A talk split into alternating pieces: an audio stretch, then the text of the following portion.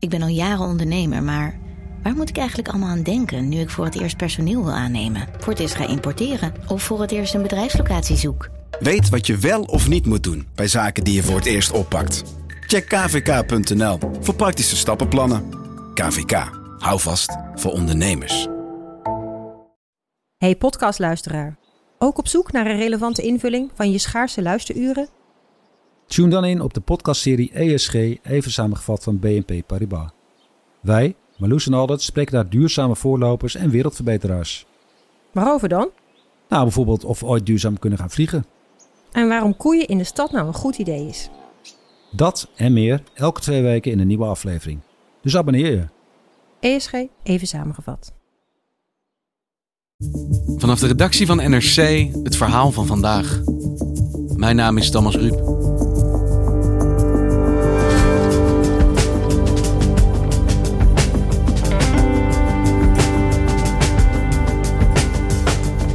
Het is bijna 100 jaar geleden en nu pas worden ze onderzocht.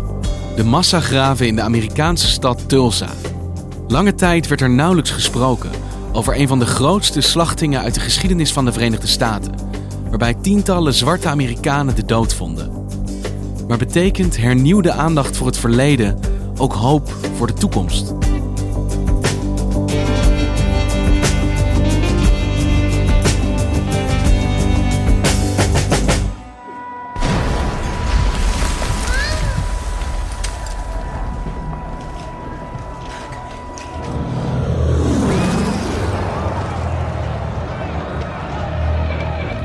HBO-tv-serie Watchmen uh, op dit moment uh, in the air is is een hele wonderlijke fantasy-serie met allemaal superhelden en zo. Maar die begint in Tulsa, Oklahoma, 1921.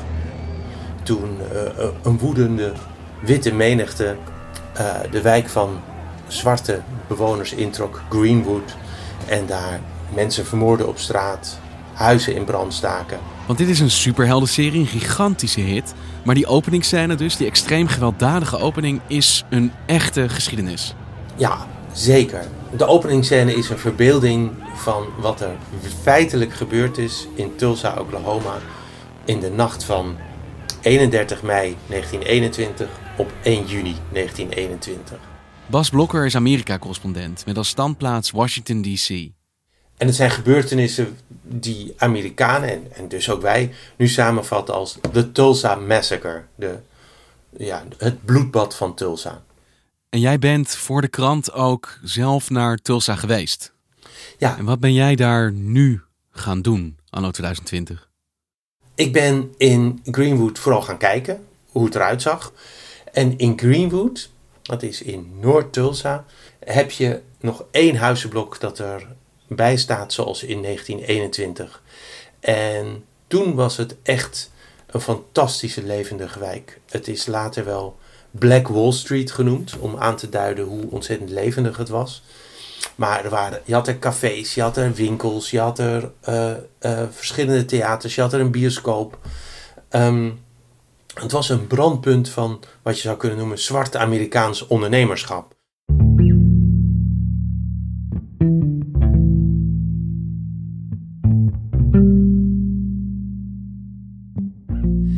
Ben ook gaan praten met een aantal mensen die mij iets konden vertellen over de gebeurtenissen van die Tulsa Massacre. En ik was het meest onder de indruk van een gesprek dat ik had met een mevrouw die Brenda Elford heet en van wie de familienaam Nails is. My name is Brenda Nails Alford, and I am the descendant of race massacre survivors and Black Wall Street entrepreneurs. En de familie Nails woonde in 1921 in Greenwood. My grandparents, uh, James and Vassanor Nails Sr., along with my great uncle Henry Nails, were the proud owners of the Nails Brothers Shoe Shop and Record Shop. Ze, hadden, ze waren daar ondernemers. They were also the first owners of what is now Lacey Park, wherein the Nails Dance Pavilion and skating rink was located. En zij probeerden daar de American Dream te leven. And also, they owned a chauffeur and taxi service. So they were very entrepreneurial minded people, Yeah. as most everyone in the community was. Ja. het gekke is, haar familie heeft haar nooit op een stoel gezet en, en gezegd: Brenda, we gaan je nu eens vertellen wat er in 1921 in Tulsa is gebeurd.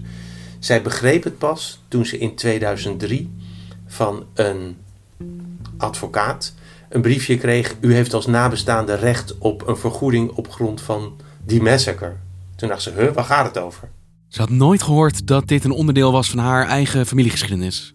Nee, en toen ze dus begreep dat dit zo was, vielen opeens allerlei opmerkingen die familieleden vroeger hadden gemaakt op hun plek. I always knew that my grandmother had to hide in a church, but I never knew why. Maar ja, hoe is dat als je een kind bent? Dan denk je, ja, oma schouw in een kerk, het zal wel. Het verhaal dat ze vertelde in de jaren, ze is, ze is nu ergens in de zestig, dus ik denk in de jaren zestig moet dat zijn geweest. Dan kwamen ze langs een begraafplaats. Every time we would pass the cemetery, Oaklawn Cemetery, the comment in the car would always be made, You know they're still over there. And everybody in the car would say, Yes, they nod their heads in agreement. Yes, they're still there. Daar liggen ze, daar is een massagraf. Want dat was wat er gebeurde na dat massacre, massagraven.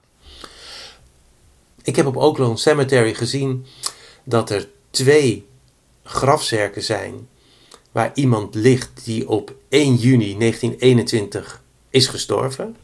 Maar verder zie je dat helemaal niet en dat kan niet.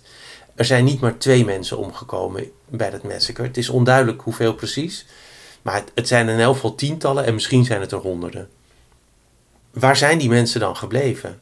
En dat, dat heeft nu geleid tot um, iets wat deze week gaat gebeuren. Well, Corey Travis, archaeologists say there could be a gravesite right here at Oaklawn Cemetery based on anomalies they found on the ground. Pretty hard to believe that something like this could happen in Tulsa. If there are indeed bodies buried in mass graves, they still have to find out if they're connected to the race massacre from 1921. Er wordt daar een stuk grond afgegraven om te kijken of daar een massagraf onder ligt.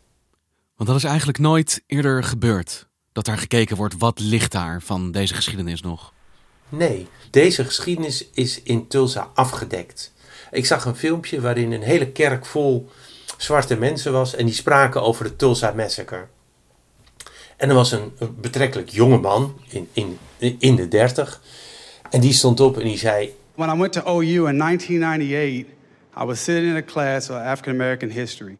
And the professor was talking about this place where black people had businesses and had money and had doctors and lawyers. And he said it was in Tulsa. And I, I raised my hand and said, No, I'm from Tulsa. I, that's not accurate. Hé, waar heb je het over? Dat kan helemaal niet, jongen. Ik kom uit Tulsa, dat zou ik toch wel weten? And he was talking about this massacre riot. I said, man, what are you talking about? I said, I went to school on Greenwood. I've never heard of this ever. En zo kan het dus ook gebeuren dat je, zoals die Brenda Niels Elford, pas na decennia eigenlijk leert dat dit je eigen familiegeschiedenis is. Want wat is zij daarmee gaan doen met dat besef?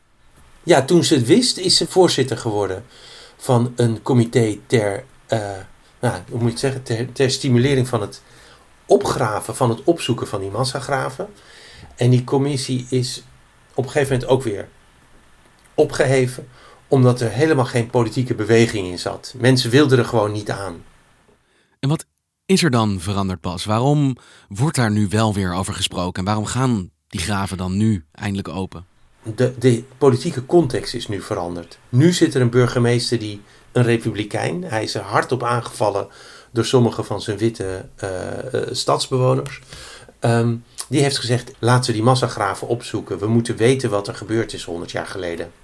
This is a murder investigation. And whether you were murdered in 2018 or 1921, the city has a compact with you that we will do everything we can to find out what happened to you and, and bring that to justice. En hij wil dus dat die mensen worden gevonden. Hij wil dat die resten worden opgegraven. En hij wil dat ze worden herbegraven met de verschuldigde eer. En het, gekke is, nu komt alles ineens samen, lijkt het wel dit jaar. Weet je, we hebben het gehad over de HBO-serie Watchmen. Maar de dood van George Floyd, waar wij eerder ook over gesproken hebben. De Black Lives Matter-beweging. De aandacht is nu maatschappijbreed geworden. En als wij ook die historische schijnwerper op Tulsa leggen, wat is er daar gebeurd, Bas? Wat was de massacre van Tulsa? Ehm, op 31 mei 1921 een jonge zwarte pakjesbezorger. En hij neemt de lift van de begane grond naar de eerste verdieping. Staat in de lift met een nog iets jonger meisje. En dat was een wit meisje. En tegen de tijd dat hij bij de eerste verdieping is, dus wat zal het zijn, een paar seconden, heeft dat meisje gegild en gezegd dat de jongen haar heeft aangerand. Of het gebeurd is of niet, dat weten we niet, want ze waren met z'n tweeën in de lift. We weten wel dat die jongen is gearresteerd en dat er een soort rumoer in de stad ontstond. De mensen gingen op pad naar het politiebureau om de jongen te lynchen. Dat gebeurde toen al vaker, dat witte mensen het recht in eigen hand namen, iemand uit de cel trokken en zeiden: We hebben geen tijd voor de rechter, we knopen hem op. De politie heeft toen die menigte bij, bij het gerechtsgebouw tegengehouden. Daar kwamen wat gewapende zwarte mensen bij om de politie te helpen om de arrestant te beveiligen. Toen is er een woordenwisseling ontstaan tussen een witte man en een gewapende zwarte veteraan. Het pistool van die veteraan is afgegaan. Ik weet niet of er iemand door is gewond. Maar vanaf dat moment, vertelde de sheriff later, was het een, was het een rassenrel en kon ik niks, stonden wij machteloos als politie. Uh, die witte menigte die besloot ja, in de opwinding van de avond naar, um, naar Greenwood te lopen. En onderweg zwol die menigte aan van, van zo'n 200 voor het gerechtsgebouw naar 400 naar 500. Volgens sommige schattingen uiteindelijk 2000 mensen. Onderweg sloegen ze de ramen in van uh, winkels waar wapens en munitie te koop was. Ze bewapenden zichzelf en die trokken over de spoorlijn Noord-Tulsa in, waar de wijk Greenwood begon, Greenwood Avenue. En daar, daar zijn ze gewoon tekeer gegaan als een, ja, als een woeste bende, als een lynchmob. Ze hebben mensen uit hun huizen gesleurd. Ze hebben huizen in brand gestoken waar mensen in waren. En in Greenwood heeft de politie ze niet tegengehouden. Integendeel, volgens sommige verhalen heeft de politie wel gewapende zwarte mensen ontwapend in die nacht, maar niet gewapende witte mensen. Met andere woorden, de politie faciliteerde deze, deze slachtpartij. Stelselmatig werden daar dus, dus mensen geëxecuteerd op straat. En er zijn enkele ooggetuigen die vertellen dat er ook kleine vliegtuigjes laag over de, over de wijk scheerden en uh, projectielen gooiden die, uh, die brandbommen bleken te zijn. En de bedoeling was echt, en dat, dat was ook de kreet die daar rondging, laten we alle zwarte de stad uitjagen.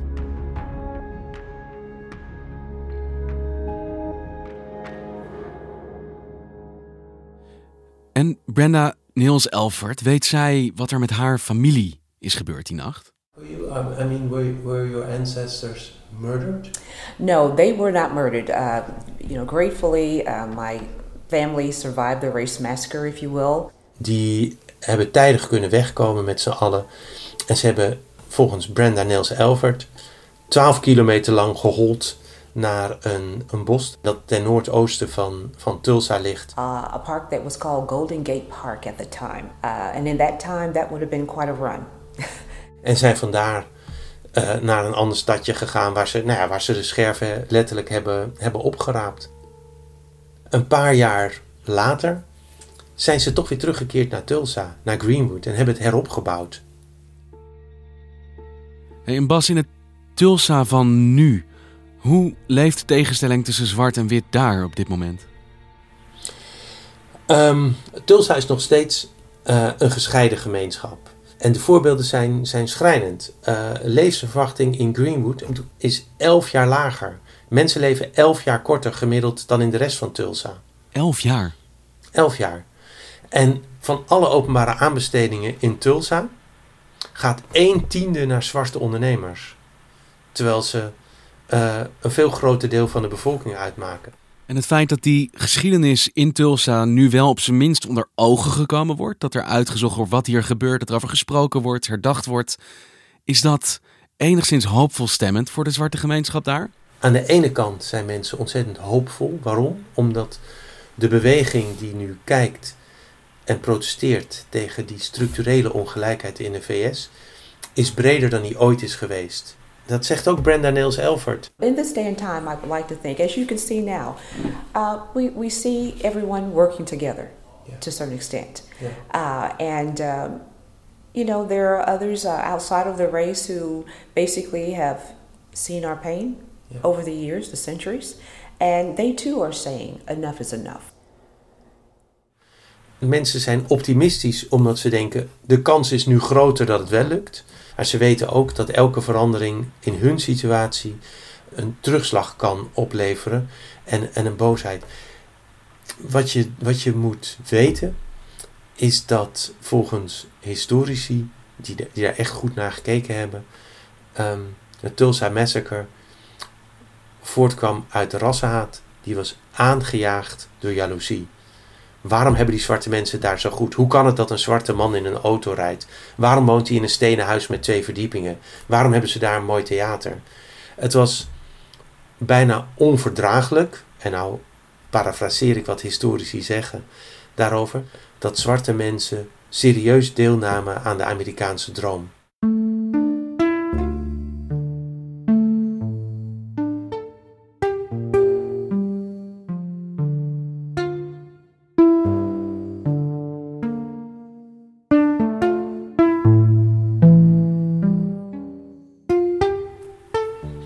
Dat betekent dat er wel sympathie kan zijn voor de zaak tegen ongelijkheid, maar dat, dat er een tegenbeweging is of een tegenstroom is die het onplezierig vindt als zwarte mensen te dicht bij witte komen. Voor die mensen is witheid een soort kapitaal dat ze bezitten, dat ze niet kwijt willen. Als het verschil in ongelijkheid kleiner wordt, wordt, wordt dat kapitaal van hen minder waard. Je kunt zeggen dat omdat het te goed ging met de zwarte gemeenschap in Greenwood, waren de witte mensen jaloers en hebben ze weggejaagd in een bloedige nacht. Het gaat nu weer wat beter in Greenwood. En misschien als het eeuwjubileum er is en het economisch fonds waaruit zwarte ondernemers worden betaald, gaat het nog weer beter. Maar dit, is, dit zijn de zenuwen die ik hoorde in de zinnetjes van Brenda Nails Elford. Wat gebeurt er straks als het weer beter met ons gaat? Hoe kijken de witte daar dan naar? Ik sprak met de voorzitter van de eh, herdenkingscommissie, de man die het eeuwjubileum van eh, het bloedbad van Tulsa organiseert. Kevin Matthews, hij is in de staat Oklahoma, is hij senator. En ik vond het heel schokkend toen hij tegen me zei: I've never seen it more divided than I've seen it today. I've heard when I heard about this 1921 race massacre, uh, it was hard for me to believe then, but when I'm looking at what's happening today, it's not hard to believe. Hij bedoelt de tijd van president Trump. De tijd van een president die tegen Amerikanen zegt: jullie horen er wel bij en jullie horen er niet bij. En die zegt: ik heb geen enkel probleem met het wapperen van het vlag van de slavenhoudende zuidelijke staten. Ik wil dat we trots zijn op ons verleden, inclusief het verleden van mensen die actieve slavenhandelaren waren. You know, the type of things that are happening now are powder keg that uh, if we don't resolve some of these uh, issues and, and build more bridges, there's going to be an explosion. Ja, ze zijn hoopvol, maar als het straks iets ontploft, zou het ze ook niet verbazen. Hey, en Bas, denk jij het feit dat we nu met aandacht luisteren naar die geschiedenis eh, van de Tulsa Massacre, dat dat een teken van hoop is, van verandering? Of is het juist iets om nerveus van te worden omdat je ziet, dit gebeurt op een bepaalde manier nog steeds? Het is allebei de dingen. Het zou heel goed kunnen zijn dat de aandacht voor de Tulsa Massacre in Watchmen, in zo'n jubileum dat wordt gevierd, dat dat helpt om het bewustzijn te verhogen voor eh, onder witte mensen, maar dat het vooral helpt zwarte mensen meer zelfbewustzijn te geven. En het kan werkelijk zijn dat er een kantelpunt is bereikt. En dat, dat het betekent dat deze beweging vreedzaam naar een uh, gelijkwaardiger samenleving toe gaat. Ja, dat is een vraag die, die mensen in Greenwood, Tulsa zichzelf stellen. Dankjewel, Bas. Ja, alsjeblieft, Thomas.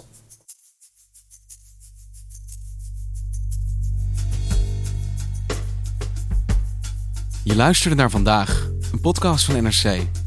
Eén verhaal, elke dag. Dit was vandaag, morgen weer.